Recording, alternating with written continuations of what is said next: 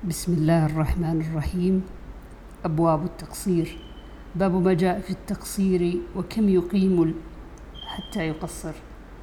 عن ابن عباس رضي الله عنهما قال أقام رسول الله صلى الله عليه وسلم تسعة عشر يقصر فنحن إذا سافرنا تسعة عشر قصرنا وإن زدنا أتممنا. وعن أنس قال خرجنا مع النبي صلى الله عليه وسلم من المدينة إلى مكة. فكان يصلي ركعتين ركعتين حتى رجعنا إلى المدينة. قلت أقمتم بمكة شيئا؟ قال أقمنا بها عشرا. باب الصلاة بمنى. عن عبد الله بن عمر رضي الله عنهما قال صليت مع النبي صلى الله عليه وسلم بمنى ركعتين وأبي بكر وعمر ومع عثمان صدرا من إمارته ثم أتمها. وعن حارثة بن وهب قال صلى بنا النبي صلى الله عليه وسلم آمن ما كان بمنى. ركعتين. وعن عبد الرحمن بن يزيد قال صلى بنا عثمان بن عفان رضي الله عنه بمنى أربع ركعات. فقيل ذلك لعبد الله بن مسعود رضي الله عنه فاسترجع قال صليت مع رسول الله صلى الله عليه وسلم بمنى ركعتين وصليت مع أبي بكر الصديق رضي الله عنه بمنى ركعتين وصليت مع عمر بن الخطاب رضي الله عنه ركعتين فليت حظي من أربع ركعات ركعتان متقبلتان.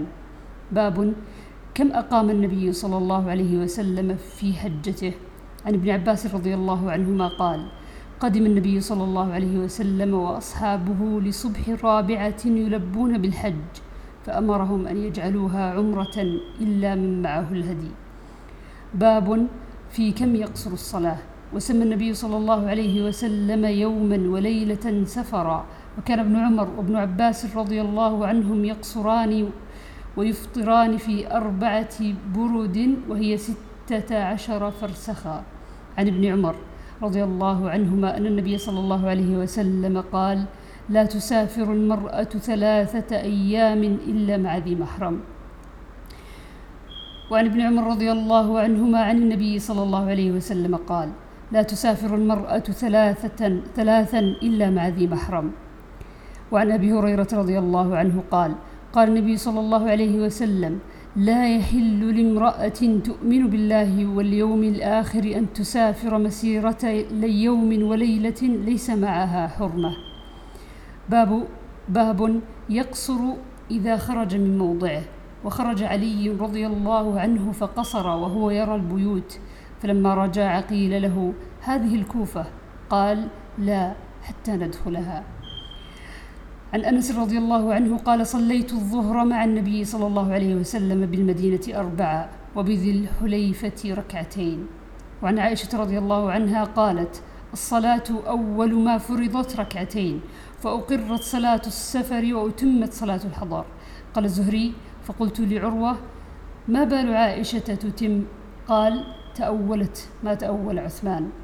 باب تصلى المغرب ثلاثا في السفر. عن عبد الله بن عمر رضي الله عنهما قال رأيت رسول الله صلى الله عليه وسلم إذا أعجله السير في السفر يؤخر المغرب حتى يجمع بينها وبين العشاء. وقال سالم كان ابن عمر رضي الله عنهما يجمع بين المغرب والعشاء بالمزدلفة. وقال وأخر ابن عمر المغرب وكان استصرخ على امرأته صفية بنت أبي عبيد فقالت له الصلاة؟ فقال سر. فقلت له الصلاة. فقال سر. حتى سار ميلين أو ثلاثة. ثم نزل فصلى. ثم قال هكذا رأيت رسول الله صلى الله عليه وسلم يصلي إذا أعجله السير. وقال عبد الله رأيت النبي صلى الله عليه وسلم إذا أعجله السير يقيم المغرب فيصليها ثلاثا ثم يسلم. ثم قل ما يلبث حتى يقيم العشاء فيصليها ركعتين. ثم يسلم. ولا يسبح بعد العشاء حتى يقوم من جوف الليل. باب صلاة التطوع على الدواب وحيثما توجهت. عن عبد الله بن عامر بن ربيعة عن أبيه قال رأيت النبي صلى الله عليه وسلم يصلي على راحلته حيث توجهت به. وعن جابر بن عبد الله أن النبي صلى الله عليه وسلم كان يصلي التطوع وهو راكب في غير القبلة. وعن نافع. قال كان ابن عمر رضي الله عنهما يصلي على راحلته ويوتر عليها ويخبر أن النبي صلى الله عليه وسلم يفعله. كان يفعله. باب الإيماء على الدابة. عن عبد الله بن دينار قال كان عبد الله بن عمر رضي الله عنهما يصلي في السفر على راحلته أينما توجهت. يومئ. وذكر عبد الله أن النبي صلى الله عليه وسلم كان يفعله. باب ينزل للمكتوبة. عن عامر بن ربيعة. قال رأيت النبي صلى الله عليه وسلم وهو على الراحلة يسبح يومئ برأسه قبل أي وجه توجه ولم يكن رسول الله صلى الله عليه وسلم يصنع ذلك في الصلاة المكتوبة. وعن سالم قال كان عبد الله بن عمر يصلي على دابته من الليل وهو مسافر ما يبالي حيث كان وجهه. قال ابن عمر وكان رسول الله صلى الله عليه وسلم يسبح على الراحلة قبل أي وجه توجه ويوتر عليها غير أنه لا يصلي عليها المكتوبة. وعن جابر بن عبد الله أن النبي صلى الله عليه وسلم كان يصلي على راحلته نحو المشرق فإذا أراد أن يصلي المكتوبة نزل فاستقبل القبلة.